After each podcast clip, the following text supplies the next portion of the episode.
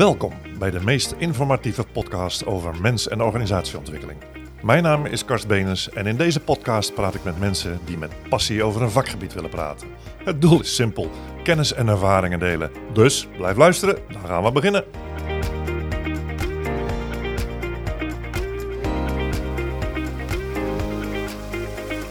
Welkom bij deze podcast. Mijn gesprekspartner vandaag is, eh, is Vincent Moes.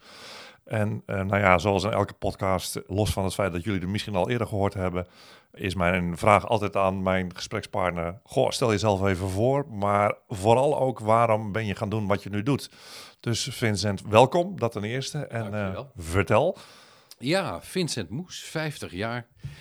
Ehm, ja, voorstellen, ik woon in Almelo. Dat hoor je niet, maar de liefde heeft mij daar naartoe gebracht. Nee, daar hoor je echt helemaal niks van. Nee, inderdaad. nee, nee, nee, nee, nee. Ik ben eh, in Baren ben ik geboren en getogen. Ja, En eh, daar hoor je trouwens ook niks van. ik, heb, ik doe mijn best. Ja, Ja. ja. ja, Nou, ben ik, eh, in mijn familie zit niet die. eh, daar daar Gooise komt kinderen van, voor kinderen toch vandaan, of niet? Ja, ja. nee, maar goed, ga verder. Ja. Baren. Eh, ja. Ehm, ja, wat heb je doen bewegen? Nou ja, de- dan zullen we de focus houden op eh, trainingsacteur. Ja. want eh, de- ik heb een aantal dingen eh, die ik doe, maar trainingsacteur, van waar die focus, of van waar daarvoor gekozen? Ik vind het heel mooi om mensen te helpen. En ik vind het prachtig om dat te helpen vanuit mijn achtergrond als acteur. En dan met name op de soft skills. De gedragsverandering. De gedragsverandering. En daar zit een hele rijke wereld. Dat merk ik eh, hoe ouder ik word ook steeds meer. Dat ik denk, goh, wat, wat, wat is er toch veel wat ik inmiddels voor vanzelfsprekend neem. Terwijl ik bij anderen de worsteling soms zie. Ja. Hoe maak ik me duidelijk, hoe communiceer ik, feedback, nou noem al die dingen maar op. En dat vind ik gewoon fantastisch om eigenlijk een, een theorie 3D te maken. De mensen te laten oefenen, want je kan het lezen, je kan, eh, je kan het op een flip-over zien. En dan kun je echt denken van, ja, ja handig, mooi, eh, Ja. mooi model, ja, wat goed. Maar op het moment dat je hem gaat oefenen, dan merk je opeens van, eh, of, hé, hey, ik kan dat, of oh, ik stink hierin, of dat is, ik zeg heel veel ja maar, Ja. wat dan ook. Ja, ik vind wat het mooiste voorbeeld wat je altijd gebruikt, want dat is misschien wel even goed om te melden. Wij werken al 17 jaar samen ondertussen. Ja, ja, Eh, behoorlijk intensief, eh, maar ook soms hele periodes weer niet. Hè? Dus dat is wel het mooie. Onze, onze paden kruisen elkaar steeds weer. Maar je geeft altijd dat hele mooie voorbeeld van je kunt tientallen boeken lezen over voetbal. En als je ze allemaal uit hebt, kun je nog niet voetballen. steeds niet Ja, voetballen. Oké, Nee. dus Ja. dat. Dan nee, moet je die mooi. leren knikker op het gras leggen en er tegenaan trappen. Ehm, ja, nou ja, du- du- dus dat. Dat is, eh, dat is Vincent Moes. Ehm, we gaan het vandaag hebben over veiligheid. Ja, ja. En eh, ik, wel goed om dat even toe te lichten. Wij zitten, as we speak, eh, zijn we met een heel groot, nou ja, ik noem het eigenlijk veranderd traject bezig eh, bij eh, een behoorlijk grote organisatie, meer dan 700 medewerkers, die we allemaal door onze training mogen begeleiden. Waarbij eigenlijk de, de primaire vraag van de organisatie was, we moeten iets aan ons gedrag gaan doen op het gebied van veiligheid. Ja. Maar er gaat heel veel goed en er gaat nog net even iets te veel mis. Ja. Nou, dus, dat is, eh, dus dat is een trigger. Hè? Dus we, we zien elkaar regelmatig. Eh, maar je ziet ook in de commentaren op LinkedIn enzovoort... dat het ook steeds meer over veiligheid gaat in Nederland. Gelukkig maar. Want, Nou ja, er zijn toch behoorlijk veel bedrijven die werken met eh, stoffen en machines waarbij je dan toch echt wel hoopt dat ze het veiligheid hoog in het vaandel hebben. Omdat er heel veel mis kan gaan, bedoel je? Omdat er heel veel mis kan gaan en, en als het misgaat dat het ook echt goed mis zou kunnen gaan. Hè, dat, Ja. eh, dat- dat- en dat weten we allemaal. Ik bedoel, eh, kijk naar de botlek, kijk naar Zo, vernis, kijk maar naar... als je daar langs rijdt en je ziet die vlammen uit die pijpen komen... Ja. dan schrik je toch helemaal wezenloos. Ja, ja, precies. Ja, ja. En, en dus dat zijn bedrijven die toch stiekem met zoveel grote hoeveelheden aan producten werken. Dat je denkt, ja, daar zit ook heel veel brandbare, giftige eh, zuren, noem het allemaal maar op. Dus dat is, eh, dat is behoorlijk link. Dus dan is het fijn dat er niet alleen maar eh, hele veilige machines worden gebruikt.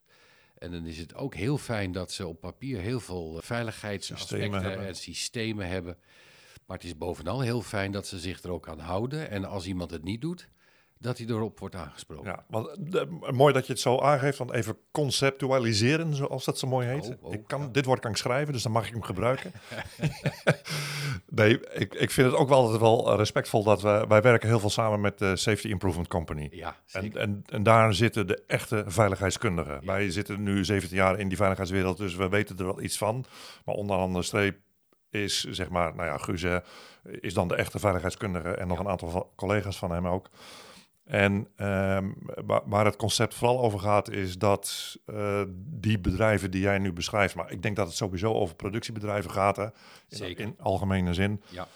Eh, daar, daar werd eerst gefocust op de techniek. Ja. Dus, nou ja, proberen een beetje veilige machines. Eh, dat gaat ook over rijrichtingen van vorkheftrucks, looprichtingen, extra deuren. In plaats van- Afzettingen. ja, de- dat allemaal.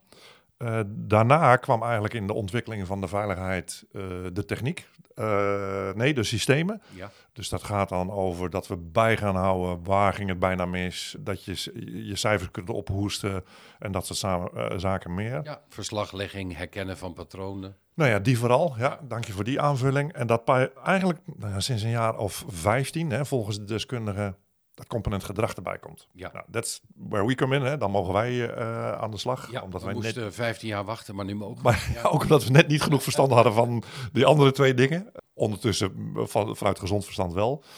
Ehm, maar kun je eens verwoorden waarom die gedragscomponent dan opeens aan toegevoegd is? Wat maakt dat dan zo belangrijk? Ja, nou als je theoretiseert, je hanteert eh, de veiligheidsladder. Dat is een eh, ladder met vijf stappen, eh, van reactief naar eh, die laatste. Ik, weet, ik onthoud die nooit. Generatief. Generatief. Ja. Dat is een model die is ontwikkeld om te kijken waar staat een organisatie in zijn veiligheid. En daar hebben ze ontdekt van, joh, je kan heel veel op papier zetten. Je kan heel veel veiligheid eh, dingen toepassen op machines enzovoort. En je kan mensen PBM's geven en dan kom je tot een bepaalde hoogte. Maar dat laatste stuk, als je als het ware door dat glazen plafond heen wil, dan is het essentieel dat je mensen gaat motiveren. Dat je ze gaat overtuigen dat er een intrinsieke motivatie ontstaat bij mensen om ook daadwerkelijk veilig te willen werken. En ook dat je elkaar aanspreekt, dat er een aanspreekcultuur komt. Ja. En dit is de theorie. Ja. En dan moet je de praktijk. en dan, komt, maar dan lopen we natuurlijk, ja, ik zou bijna zeggen wekelijks tegenaan. En dan komt Exact. de praktijk. Ja. Ehm, het, voor, het beruchte voorbeeld, iemand die is al eh 35 jaar in dienst bij dezelfde organisatie. Ja. Die heeft soms de poort open gedaan van zo'n fabriek. En eh, nou ja, die, die, die heeft steeds datzelfde gangetje van zijn huis naar die fabriek gemaakt. En dan komen eh, knabbel en babbel, wij dus. Ja, en dan zeggen ja, maar weet je, en dan moet je zo... En, en die staat je aan te kijken en zegt van, joh, Gaat toch goed? gaat toch al 35 jaar goed? Ik heb al mijn vingers nog. Wat gebeurt er in, in die dynamiek van een organisatie? Want dat is, ik bedoel, eh, om het weer even in serieuze te trekken, dit komt echt gewoon voor in organisaties. Absoluut. En de erkenning voor hun vakmanschap is absoluut daar. Mhm. Dat, dat, volgens mij is dat ook wat het is. Maar dan moet je die organisatie gaan omturnen naar ander gedrag en anders met verantwoordelijkheden omgaan. Ja. Nou, roep eens. En een andere werkwijze hanteren. Ja. Nou, ik denk daar vaak over na. En, en de gedachte die ik steeds vaker heb is: wij mensen, wij werken vanuit patronen. Want dat kost het Ja. minste energie. Jij en ik ook in onze Iedereen, dagelijkse patronen. Elk mens. Ja, ja. Hè, dat, eh, dat is van heel klein tot heel groot. Als je in de auto stapt, doe je je veiligheidsgordel om. Ja. Dat is een patroon. En dat doe je altijd voordat je je motor start of eh, net nadat je je motor hebt gestart. Ja. Je stapt altijd met je rechterbeen in je broek als je opstaat. Want als je elke keer moet nadenken, dan kost dat heel veel energie. Ja. En zo werken wij ook. Wij, wij ontwikkelen een, een methode om ons werk te doen. En daar ontstaat een patroon. En dan komt op een gegeven moment een nieuw management of wat dan ook. En die zegt, nou, je moet je patroon veranderen. Ja. Want dat is veilig. Dat is eigenlijk waar het over gaat. Dat is eigenlijk essentie. waarover het gaat. Ja, Ja, Eh, of anders geformuleerd, eh, het was een, een organisatie die heel productiegedreven was. Hè, waarbij dus eh, het, Ja. het maken van een aantal tonnen dat prevaleren.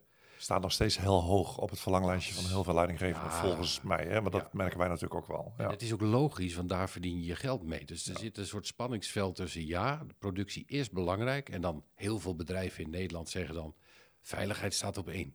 Prima. En dan zeg ik, veiligheid is ontzettend makkelijk onderwerp. Als alles goed gaat, dan kun je dat heel makkelijk zeggen Ja. en dan is er niks aan de hand.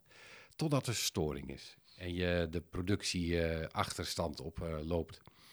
ja, en dan is de uitdaging, staat die veiligheid nog steeds op? Want wat is de, de meest geziene reflex dan nu, zeg maar, als dat gebeurt? Dus de storing en wat, wat gaat dan het crisismanagement doen? Ja, nou ja, het meest geziene, laat ik het zo zeggen, wat ik vaak merk is dat het, wat er dan gebeurt is, nou jongens, los het maar even zo op. Ik, ik kijk even de andere kant op. Of eh, goed opletten. Hè? En Ja, normaal doen we dat snel. niet zo. Ja, Eh, maar dan, eh, dan later gaan we dat wel herstellen. ja, Of, enzovoort. En mensen die dus gewend zijn om eigenlijk, er is een storing, hup, mouw opstropen, eh die machine induiken. eh, duct tape erop en klaar. klaar, klats, hupsik idee, de productie moet eh, blijven draaien. Die krijgen dan iets heel tegennatuurlijks te horen, namelijk de band staat stil, Back maar je mag er nu even nog niet aankomen, Ja. want het moet eerst veilig. Ja. Nou ja, dat jeukt aan alle kanten. ja, want die mannen die willen door. Ja, dus Ja. eigenlijk zijn die mannen hondsloyaal aan de productie. Eigenlijk eh, zijn die heel gedreven om, om dat altijd maar draaiende te houden. Dus dat is eigenlijk prachtig. Dus je vraagt van hun iets heel lastigs. Ja, nee, maar dat is wel goed om dat ook wel expliciet te benoemen. Ook omdat eh, wij daar allebei natuurlijk ook wel echt in geloven. Hè. We, we zien eh, de, de weerstand tegen de verandering. Alleen we zien de echt extreme grote betrokkenheid. We hebben nu in de afgelopen zes jaar hebben we een paar hele grote eh, organisaties mogen begeleiden. Ja, Daarin zie je bijna unaniem een extreem grote betrokkenheid om het zo goed mogelijk te doen voor je werkgever. ja, En dan is het extra lastig, juist misschien wel, om die patronen te doorbreken van misschien een stapje langzamer, misschien iets meer letten op, elkaar aanspreken. Eh, want dat, is, dat vind ik ook al zo schattig. Dat aanspreken, daar hebben wij het in onze eerdere podcast ook over gehad. Wat voor drempeltje dat dan ook kan zijn. Hè? ja, Maar ja, die kom ik tegen bij het voetbalveld en die kom ik, daar wil ik nog mee de kroeg in kunnen. En ja. Bang voor de reactie. bang voor de reactie. Of ja. eh, ik doe het zelf ook niet altijd juist. Dus dat is, dat is best complex. En inderdaad, dat zijn eh, ontzettend loyale mensen. En wat je ook vaak merkt is dat die mensen hebben een bak met ervaring. En vanuit die ervaring denken ze, ja, maar als je mij nu even aan de gang laat gaan, over vijf minuten is het opgelost. En als ik het nu volgens het boekje moet doen, dan zijn we minstens anderhalf of twee uur verder. Maar laten we eens even gaan proberen te, over te brengen wat je kan doen om dat patroon te veranderen. Want dat is natuurlijk ook wel ehm, wat we in deze podcast proberen te bereiken. Dat je er ook wel wat dingen uit kunt halen waar je dan eh, mee, Ja. mee aan de slag zou kunnen.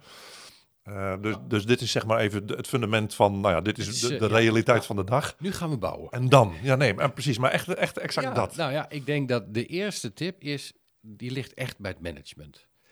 Want het management moet echt en oprecht kijken van zijn wij een productiegedreven organisatie of zijn wij een organisatie die productie belangrijk vinden, maar veiligheid echt op één willen zetten.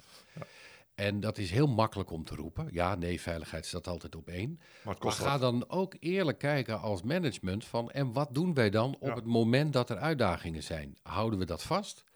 Of schieten wij ook een beetje in de reflex van ja, nou ja, hè, doe het dan maar even zo. Ja, want ik zou daar wel op aan willen vullen dat eh, wat je daar als management te doen hebt, is dat je echt wel voorbeeldgedrag gaat vertonen. Exact. En niet eh zegt van, nou ja, dit is voor de operatie. Dus jongens, eh, succes ermee. Extern bureau naar binnen en, en doe je ding. Nee. Maar daar heb je als management, senior management team of directieteam, of hoe het dan ook heet, heb je een hoge verantwoordelijkheid te pakken, namelijk dat voorbeeldgedrag. Dat Ja, is, ja. Ja. Ja, En ook vanuit dat voorbeeldgedrag en vanuit de wil om veiligheid op één te zetten, dat moet dus doorwerken. Bijvoorbeeld in je KPI's. En dat zie je eigenlijk nooit terugkomen. ja, dat is bijzonder. Nou zou je eigenlijk de veiligheidskundige aan tafel moeten hebben, want die kan daar heel mooi over vertellen. hebt? Ja. Nee, nee, die zou dat ook niet kunnen. Maar, eh, ehm, maar die, daaruit, eh, want die stelt ook altijd de vraag: en waarom is veiligheid geen KPI? Terwijl al het andere wel een KPI is. Exact. Ja. Dus dat is een, een indicator waar je dan op, nou ja, afgerekend kan worden, maar waar je je prestatie op af kunt meten. Ja. En dat is dan veiligheid niet. Dus dat, dus dat is één. Dus management vanuit voorbeeldgedrag. En eh, waarom maak je het geen, eh, geen indicator waar je die ook kunt Kunt toetsen? belonen. Ja, waar, waar je dus inderdaad niet kunt afrekenen, maar waar je ook op kunt, eh, kunt belonen. Ja, Oké, ja. Ja, ja. Dus dat, dat is denk ik, dat is echt key om, om van bovenaf al te beginnen met echt dat veranderproces. Maak kenbaar dat het je ernst is. En, en neem dat ook mee in je beoordelingen. Ja. Dus dat. Ja, en dan is het ook goed dat je als uh, MT uh, je ook durft laten informeren. Dus durf ook kwetsbaar te zijn van misschien weten we er nog niet alles van. Dus laten we ook zorgen dat ons eigen veiligheidsbewustwordingsniveau op het juiste niveau is. Ja. En dat we de kennis over de technische veiligheid, dat die ook volledig op orde is. Ja. Dat we nul meting hebben laten doen, dat soort zaken meer. Ja. Dus dat, daar, daar begint zeg maar dat, dat hele traject mee. En dan gaan we een niveautje naar beneden. Een niveautje naar beneden, ja. Ehm, nou, wat ik ook een hele interessante vind, dat is wij mensen zijn georiënteerd, gericht op wat niet goed gaat. Ja, Dat, dat komt vanuit onze overleving. Dus, ehm, want wat niet goed gaat, slash gevaar, dat is gevaar. Dus daar moet je voor waken. Dus daar zijn wij eh, op gefocust. En iets wat goed gaat, levert geen gevaar op. Dus daar hoef je niet al te veel aandacht aan te besteden. Ja. En dat werkt ook weer door. Bijvoorbeeld in, dan vraag je van je mensen, eh, hè, eh, maak een melding op het moment dat je iets ziet wat gevaarlijk is. Mhm. Eh, daar zijn vele namen voor. de SAP, de Ultimo, weet ik veel. Elk bedrijf die heeft wel weer een ander Ja, systeem waarin ja. je dat kan Nee, invoeren. maar ze zijn er. En ze zijn er. Vervolgens worden de zaken opgelost. En op het moment dat ze opgelost zijn, dan is het onmiddellijk uit het vizier van de mensen die die aanvraag hebben ingediend. En die gaan weer met hun blik naar het volgende wat niet goed is. Dus wat er heel vaak gebeurt is dat ze eh, laag hoger, management, weet ik allemaal niet wat, behoorlijk wat budget uittrekken om verbeteringen toe te passen. Dat ze de meldingen serieus nemen. Dat Ja. ze eh, eh, de prioritering goed proberen te doen. Dat ze dingen oplossen, niet alles in één keer. Hm. En dat ze denken, nou, we zijn lekker bezig. Ja. En dan de vloer die zegt, ja, zie je, ze doen ook geen donder. En je meldt wat en er gebeurt Maar niks. dat zit hem dus echt in de terugkoppeling van. Terugkoppeling, ja. Ja, ja, ja. het klinkt plat, maar je moet het af en toe in braille op een reet tikken. Ja, nee, dat klopt. Nee, maar dat is echt wat het is. eh, want dat is wa- wat wij natuurlijk ook regelmatig ervaren. Dat zeg maar die, die middenlaag, hè, wat ik ook oprecht een hele lastige plek vind. Zo, Want dat van boven krijg je van alles en van onder krijg je Ja. van alles. En, echt een sandwich. en daar zit je dan in die, in die sandwich of in die spagaat. Dus dat is echt geen makkelijke positie. Maar wat daarin heel erg kan helpen, is dat je communiceert wat je doet. Ja. En dat betekent dus ook dat je af en toe moet zeggen van... Vincent, leuk dat je dit vraagt, maar dit gaan wij voorlopig niet doen, omdat. Exact. En dan kun je het dossier ook even sluiten. Ja. En dan mag je misschien nog even mopperen, maar dan is het wel... Dan ben je wel in ieder geval duidelijk en transparant geweest. Ja. Ja. nee is ook een antwoord. Nou, dat klopt. En dat, ja. is, dat is echt wel een frustratie die je vaak hoort. Dat, dat je mensen hoort zeggen van ja, eh, we, we zijn keihard aan het werk, maar ze zien het niet. En dan, eh, dan heb je een gesprek met een operator en die zegt dan van ja, maar jullie doen er helemaal niks aan. En dan is het je wel, eh, dan moet je het even, dan kijk dan naar je melding, want daarnaast staat eh, wat de status is. Ja, waar moet ik dat dan zien? En dan, dan hoor je echt die frustratie van ja, maar ze kijken ook niet. En Ja. dat klopt. ja, en ze kijken niet... wa- Wat bedoel je daarmee? Nou ja, er is een, er is een brengplicht. Hè? Dus ik maak een melding. En dan, dan denken, ik noem het nu, operators. Eh, die denken zo, ik heb aan mijn verplichting voldaan. Hè? Ik heb een melding gemaakt. Nou, Maar je hebt ook een haalplicht. Dus je kan ook Ja. kijken, wat is de status van mijn melding? En dat wordt vaak vergeten. ja. En is toch dat- achter, ik heb het gemeld achterover hangen. Ja, en, eh, en dat is frustrerend. En dat is ook iets waarvan ik denk, ja, dat is frustrerend. En accepteer dat het zo gaat. Dus je zal zelf actief iemand moeten benaderen met, joh, jij hebt twee weken geleden een melding gedaan. Eh, dit is de status. Over eh, drie weken krijg je weer wat nieuws te horen. Ja. Je moet ze echt meenemen in de stappen. Dus daarmee zeg je, en, en zeggen we ook, veiligheid gaat ook heel erg over communicatie. Enorm. Gaat heel erg over leiderschap en gaat heel erg over samenwerken. Ja. Dat zijn eigenlijk... En maak het transparant. Hè? Nee ja, maar goed, dat, dat versta ik dan onder een heldere communicatie, effectieve absoluut. communicatie. Absoluut. eh, Koppel terug, koppel terug. Neem mensen mee. Vier ook je successen. Eh, sommige bedrijven hebben van die grote beeldschermen in de kantine. Nou, maak foto's van dat wat er is opgelost. Hè, Ja. Er is nu een nieuwe balustrade daar en daar. Maak een foto, zet het in Laat die eh, lichtkrant en laat dat zien. Nee, ja, en, maar koppel ook terug als de, want je geeft eh, ook wel eens het voorbeeld over eh, het, het, het bordje, het, het gevarenbordje waarvan het lampje kapot Ja, is. ja, ja.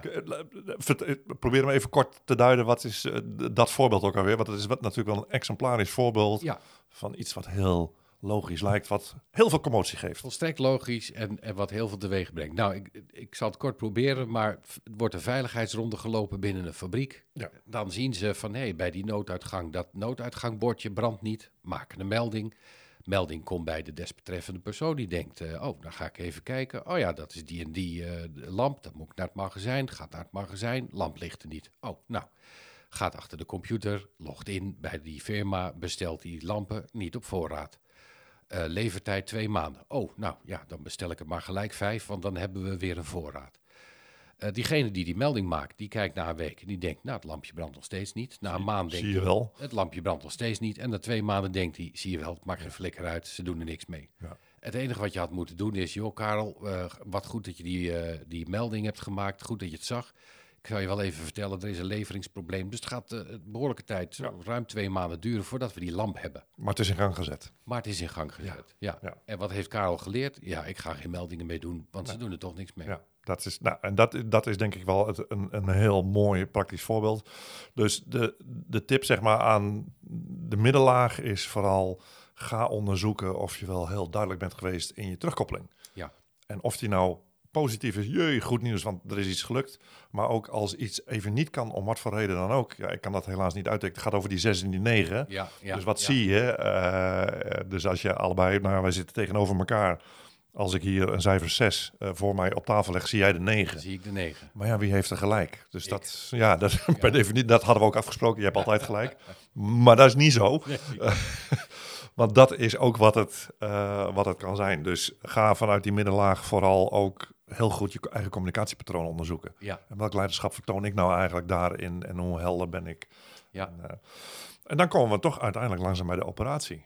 ja. En daar moet dan ook die verandering doorgevoerd worden. En dan ben ik nu 25 jaar in dienst van WeFactor, want dat ben ik toevallig. Ja, En dan ga jij me vertellen dat het even helemaal anders moet. ja, Nou, ja. en dan? Ik, eh, ik stap op nu. Ja. Ja, kan niet. Ken je een beetje, het heeft toch geen zin. Ik denk dat je, dat je moet kijken naar dat je niet iets op gaat leggen, dat je mensen meeneemt in het verhaal. Dat is volgens mij heel belangrijk. Ik kan me voorstellen dat nu zeg maar een gedeelte van de luisteraars afhaakt van, Oh, Ja, wat bedoelt die met zo'n term. Ja, wat. ja, ja, ja. Nou ja, wat Dan snap je wat ik bedoel? Ja, dat snap ik wel. Nou ja, je kan tegen iemand zeggen die het 25 jaar op een bepaalde manier heeft gedaan, nu moet je het anders doen. Ja. Nou, ik weet niet hoe het met jou zit, maar als iemand dat zo zegt, dan ga ik ook stijgen. Ja, nou, ja. Dus begin eens met eh, duidelijk te maken van, joh, weet je, wat zijn de risico's? Waarom vinden wij, zijn wij van mening dat het anders moet? Hoe zie jij dat? Ja. En natuurlijk zal iemand in het begin zeggen van, ja, het gaat toch goed en er is toch niks aan de hand. Ja, dat moet je ook accepteren. Dus geef iemand ook even de tijd om het zelf in te zien. Ja. Maar ga ook iemand duidelijk maken van, dit is niet de zoveelste regel om jou te treiteren. Dit is de zoveelste regel om ervoor te zorgen dat jij met tien vingers en tien tenen ook weer thuis komt. Ja, ja. Dus maak het praktisch in die zin. ja, dus het- het begint eigenlijk met zorg dat ze bewust worden van het feit dat ze gewoon ook risico's kunnen lopen. Ja, En dat het misschien ook wel mazzel is dat het al 25, 30, ja goed is 35 jaar goed is gegaan. Exact, maar dat, dat ja. het gevaar gewoon wel. eh, Dus ga niet meteen de verandering doorvoeren, maar laat ze eerst ook. Of neem ze mee, hè? Want dat, dat, dat is wat je zegt. Neem ze mee in. Nou ja, wat er allemaal kan gebeuren. En storytelling, die gebruiken wij natuurlijk ook veel. Helpt daar Ja. natuurlijk heel goed bij. Hè? Dus het Ja. uitwisselen van wat heb je meegemaakt. eh, Ja, dat. En, en ook, dat vind ik het mooie van storytelling. Als je een heel krachtig eh, en vaak waar gebeurd verhaal vertelt, ja, daar kun je geen discussie over hebben. Dat is. En dat gaat op de een of andere manier toch leven. Dus dan, dan, dan eh, ja, hoe moet je dat zeggen? Dan spreek je toch een ander gedeelte van de hersenen nee, aan. klopt, dat is wat het doet. Ja. En dan ga je toch een beetje op de emotiekant zitten. En dan, dan is het van, joh, op het einde van de dag, we zijn allemaal mensen. Ja. En ook jij wil veilig thuiskomen. En ook jij zou een knoop in je maag hebben als je collega iets overkomt. Nee, en als je kijkt naar het veranderperspectief, hè, dus dat is, dat is de eerste stap, dus ma- maak ze bewust. Eh, ik probeer, we proberen ook altijd wel te zoeken van waar zit de weerstand dan bij iemand. Hè? Nou, en we werken dan mooi vanuit dat modelletje van die vier vakken waarin weerstand kan zitten. Niet willen, niet weten, niet kunnen of niet durven. Ja, Dus als je in een van die vier eh, je weerstand weet te vinden, dan weet je ook welk gesprek je daarover moet voeren met die desbetreffende medewerker. ja, Waarbij ik ook wel meteen merk, nu we het er zo over hebben, dat het gros wel heel erg veranderingsbereid is. absoluut. Ja, absoluut. En dan ga ik toch weer even zeggen, ja, wat toch vaak gebeurt is dat je van mensen wil weten hè, waar zit je weerstand en, en waarom verander je niet. Maar als je dan in de systemen kijkt, dan ervaren ze echt een productiedruk.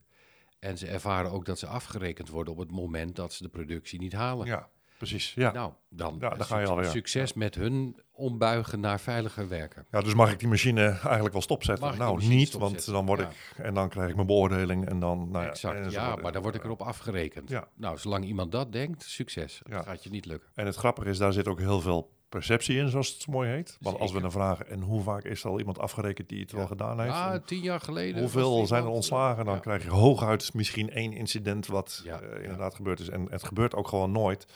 Dus dat is ook wel, nou ja, misschien het comfortgevoel wat iedereen zichzelf aanpraat. Ja, dat kan ik niet doen, want hè. Ja, Ja, ja. nou, ja. Ja, Ik ben even aan het zoeken. Wat was nou de vraag van de, de vloer? En, Nou ja, vooral, we zijn begonnen helemaal bovenin. Maar wat kun je dan doen om op de vloer, zeg maar, die verandering in gang te brengen? Dat is, dat is vooral waar die over gaat. Ja, Ja, en dat, ik denk ook echt het gesprek aangaan.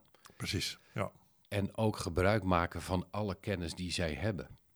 Douw er niet een nieuw veiligheidssysteem doorheen, eh, doorheen, maar ga eens in overleg. Jongens, zo kan het niet meer. Ja. Wat zijn jullie ideeën? Hoe zouden we het anders kunnen doen? Ja, ja en, ehm, maar dat schiet me nou zomaar even te binnen. Dit hebben we ook niet besproken van tevoren. Zou jij dat vliegtuigverhaal kunnen vertellen? Nu? Ja, en ik zal je ook even uitleggen waarom. Want wij gebruiken dat vliegtuigverhaal eh, in heel veel, misschien wel bijna al onze, nee niet alle, maar in heel veel van onze veiligheidstrajecten. Mhm. Dus waar het echt gaat over gedragsverandering. En dat verhaal is voor mij zo eh, duidelijk dat eh, het gaat over een ongeluk kan in een heel klein hoekje zitten. Ja. En dat aanspreken echt van essentieel belang is. En ja, wij, wij buigen dat altijd om van het is niet zozeer het aanspreken, want dat klinkt dan meteen weer zo politieachtig, maar het gaat vooral over hoe kan ik de anderen helpen Ja. om veilig te werken of efficiënter te werken of beter te werken of dat soort zaken meer. Ja. En dan is eh, het effect, of de, de, eh, bedoel, de techniek is natuurlijk hetzelfde. Hè? Dus we gaan over effectief eh, communicatie. Maar de intonatie en de invalshoek is anders. En juist dat verhaal eh says it all eigenlijk. Maar nou zit ik je wel met de Nou ja, ik voor het blok, zeg ik maar. kan hem wel oplepelen, maar ik kan hem niet in drie minuten vertellen. Nee, dat hoeft ook niet volgens mij. Oké. Ja, dan, eh, nou, zet een bak koffie, mensen, daar, eh, daar. Ja, nee, en dus dat kun je nu nog even heel, heel kort voorbereiden. Want waarom ik jou dit vraag, Vincent, is vooral ook omdat dit verhaal eh, zo herkenbaar zal zijn voor iedereen die in een productieomgeving werkt. En dat je dan ook, eh, zeker ook omdat we net geconstateerd hebben dat het vooral begint bij bewustwording, hè? Ja. dat je vanuit die eh, bewustwording ook dan, eh, nou ja, naar dit verhaal luisterend hoort van, oh ja, wacht even, m- maar zo kan het echt. En ik wil er even, en dan mag je, en dan mag je beginnen, wel even bij zeggen dat het geen verzonnen verhaal is. Het is, en ik zeg er altijd bij, helaas echt gebeurd. Echt gebeurd, ja. Het enige probleem natuurlijk nu is dat ik bedenk me nu, nou moet ook elk feitje kloppen wat ik zeg. Dus er zit een quitclaim in, als ik er een dag na zit dan... Het zij je vergeven. Ja, precies. Op 2 oktober 1996, in de avond, vertrekt er een Boeing 757 van Aero Peru, van een vliegveld van Peru, met als eindbestemming een vliegveld in Chili. Zo'n 20 minuten na de start klinken er in de cockpit niet één, niet twee, maar wel vier alarmsystemen tegelijkertijd. En de piloten realiseren zich dat ze een groot probleem hebben. Ze nemen contact op met het vliegveld van waar ze vertrokken zijn. En al redelijk snel wordt er besloten om hun weer terug te laten vliegen naar dat vliegveld. De problemen lopen echter zo hoog op dat op een gegeven moment het vliegveld besluit op een, om een ander vliegtuig op te laten stijgen, naar hun toe te laten vliegen, zodat dat tweede vliegtuig die eerste kan begeleiden terug naar dat vliegveld. Dat tweede vliegtuig komt te laat. Want op een gegeven moment merken de piloten dat een van de vleugels het water raakt. En op dat moment, maar pas op dat moment, weten de piloten hoe laag ze werkelijk vliegen. En die piloten die doen waarvoor ze zijn opgeleid. Brullende motoren. Kleppen voluit om dat kreng maar in de lucht te houden. En dat lukt. 20 seconden. En na die 20 seconden raakt dat vliegtuig in een rol en slaat uiteindelijk op zijn kop op het water. 61 passagiers, 9 bemanningsleden, 70 mensen in totaal vinden die avond de dood. En later onderzoek toont aan dat de meeste mensen niet zijn overleden door de klap, maar daarna, als de wrakstukken ongeveer zo'n 3 à 4 kilometer naar beneden zinken. Een vreselijk verhaal natuurlijk. En zoals bij elk vliegtuigongeluk wordt ook deze onderzocht. Wat is er nou gebeurd? De Amerikaanse marine wordt benaderd omdat die specialistische apparatuur hebben om van grote diepte spullen weer naar boven te halen. En na zo'n drie, vier maanden hebben ze zoveel puzzelstukjes kunnen verzamelen dat ze ongeveer weer de hele puzzel kunnen invullen. Wat is er nou gebeurd? Ik vertel een aantal dingen, niet alles. 1. In de cockpit klonken vier alarmsystemen tegelijkertijd. Fout van Boeing. Dat was niet nodig en het bracht de piloten onnodig in verwarring. 2. Het was avond, donker en ze vlogen boven zee. Ze konden wel naar buiten kijken, maar ze hadden geen referentiekader, een omstandigheid. 3.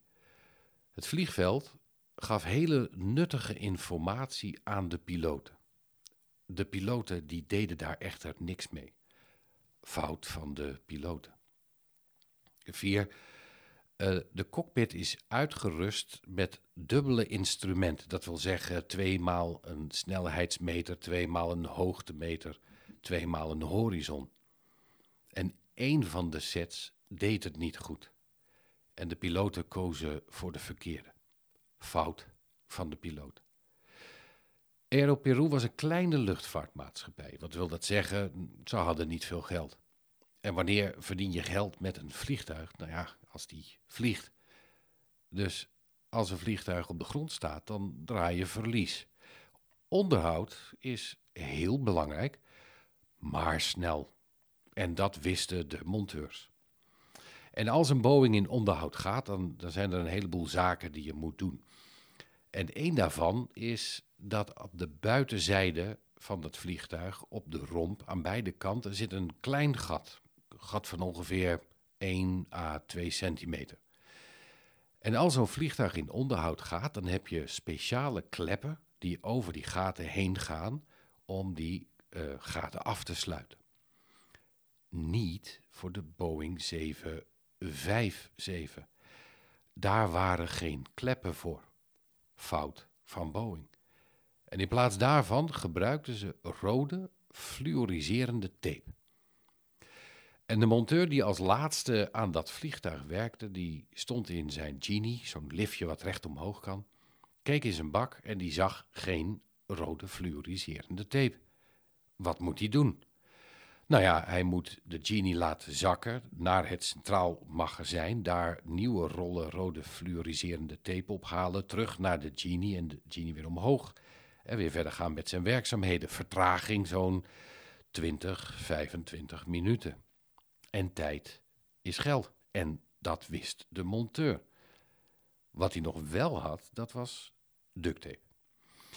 En hij besloot om duct tape te gebruiken. Hij plakte dat gat af, deed wat hij moest doen, liet de genie zakken, ging naar de andere kant van dat vliegtuig, plakte dat gat daar af, deed wat hij moest doen, verwijderde de duct tape. De eerste duct tape was hij vergeten die bleef zitten. De piloot komt. Als een piloot op de dag voor het eerst met zijn vliegtuig gaat vliegen, dan moet die piloot verplicht een visueel controlerondje lopen om dat vliegtuig heen, om op het oog te kijken of hij iets uitzonderlijks ziet. En deze piloot, die doet dat. Die loopt, die kijkt naar het landingsgestel, die kijkt naar de vleugels en die kijkt omhoog en die ziet geen duct tape. Want om aan te geven waar dat gat nou precies zit, heeft Boeing een cirkel gemaakt. En die cirkel is zilverkleurig. En duct tape is zilverkleurig. De tape blijft zitten. De piloot stapt in de cockpit en samen met de co-piloot neemt hij nog een keer de safety checks door. Hij vult de vluchtgegevens in in de boordcomputer, kijkt nog een keer naar het weerbericht, heeft contact met het uh, vliegveld, met de toren, krijgt toestemming om op te stijgen en zo'n 60 minuten na de start zijn 70 mensen overleden door dat ene stukje duct tape. Nog geen cent. En dan stel ik altijd aan de mensen de vraag: wat denken jullie dat er met de monteur is gebeurd? En dan vertel ik: die monteur die heeft gevangenisstraf gekregen, dood door schuld. Boeing die heeft de hoogste schadevergoeding ooit betaald toen de tijd buiten de Verenigde Staten. En wat betekent dat?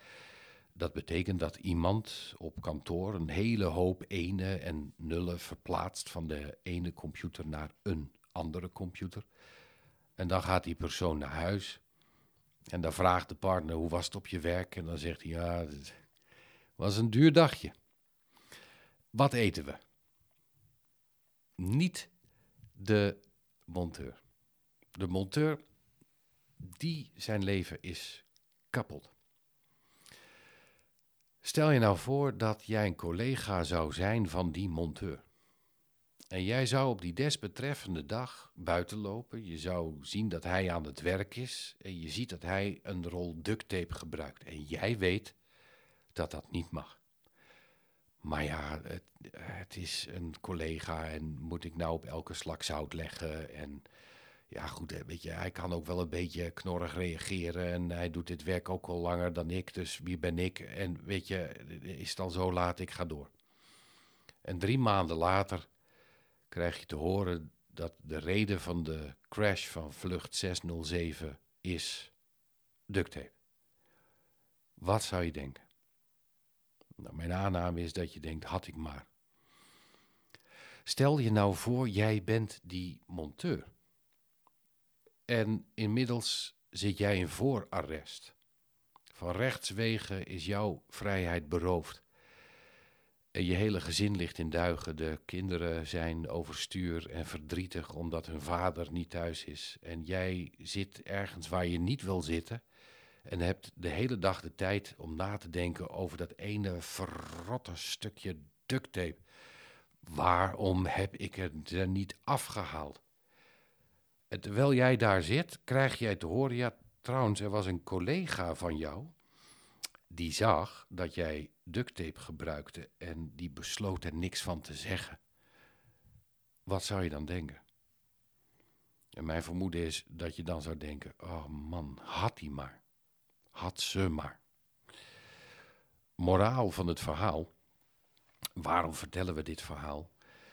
Dat is één aangesproken worden, dat is een compliment. Dat betekent namelijk dat een collega van jou bereid is zijn of haar nek uitsteekt om jou te helpen veilig te werken.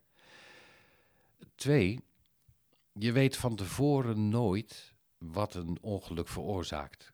Als we dat wisten, dan, ja, dan hadden we geen ongelukken meer. Wat we wel met absolute zekerheid weten, is dat een ongeluk nooit door één ding komt. Het is altijd een optelsom van een x aantal factoren. En ja, daar zitten ook hele kleine dingetjes bij. Drie, er is eigenlijk geen reden om een ander niet aan te spreken. Ik herhaal hem maar even. Er is eigenlijk geen reden om een ander niet aan te spreken. En tot slot, als je het nou lastig vindt, en dit is dan weer eentje die ik in de training zeg, als je het nou lastig vindt om mensen aan te spreken, het gesprek aan te gaan, als je bij jezelf denkt, ja, ik weet dat het moet, maar ik ben zo bang voor de reactie, of ik, uh, ik vind het lastig of moeilijk, of hoe begin ik nou, dan zeg ik vaak van, joh, uh, als je dat hebt, begin dan met, joh, collega, dat is, uh, dat is een stukje duct tape, hè? Een stukje duct tape, wat bedoel je? Nou, van dat, uh, dat vliegtuigverhaal, weet je wel, die veiligheidstraining. En op dat moment weet de collega, oké, dit is even het moment dat ik tot vijf moet tellen, misschien wel tot tien moet tellen, omdat die collega nu mij gaat proberen te helpen veilig te werken. Nou, Daar is die weer. en dan heb je de essentie wel helemaal te pakken. Ik heb hem honderden keren gehoord en ik blijf het een indrukwekkend verhaal vinden. Vooral ook omdat de, ehm, nou, de essentie er gewoon eh, heel erg goed in zit. Dus dankjewel daarvoor, eh, Vincent, voor het delen. Yes. Heel snel samengevat, wees je als leidinggevende heel erg bewust van je voorbeeldfunctie. Maak daarin hele duidelijke keuzes. Zet het echt op de agenda, maar beleef dat ook. En alles wat, wat daaronder zit, ga de verandering vooral in vanuit de bewustwording. Dus dat je snapt waarom die verandering belangrijk is. Ja, en dan kun je gewoon naar een, eh, een veiliger werkklimaat. En dan kunnen we er met z'n allen ook voor gaan zorgen dat iedereen die aan het werk gaat ook weer veilig naar huis gaat. En dat is volgens mij waar die over gaat. Vincent, eh dank je wel. Nog een Ja, laatste. eh, ja, ik, ik zeg al- altijd tegen je van heb je nog een laatste orbi. Orbi et Orbi Ja, ja, ja. ja. voor de dun luisteraar? Oh. ja, flauw hè? Nee hoor. Zie veiligheid niet als een kostenpost. Zie veiligheid als een mogelijkheid om je eh, hele organisatie nog effectiever te maken en productiever te maken. Dat. En dan eh, dank ik iedereen weer voor het luisteren. En eh, volgende week zijn we er gewoon weer meer. En Vincent, nogmaals, dankjewel. Heel graag gedaan.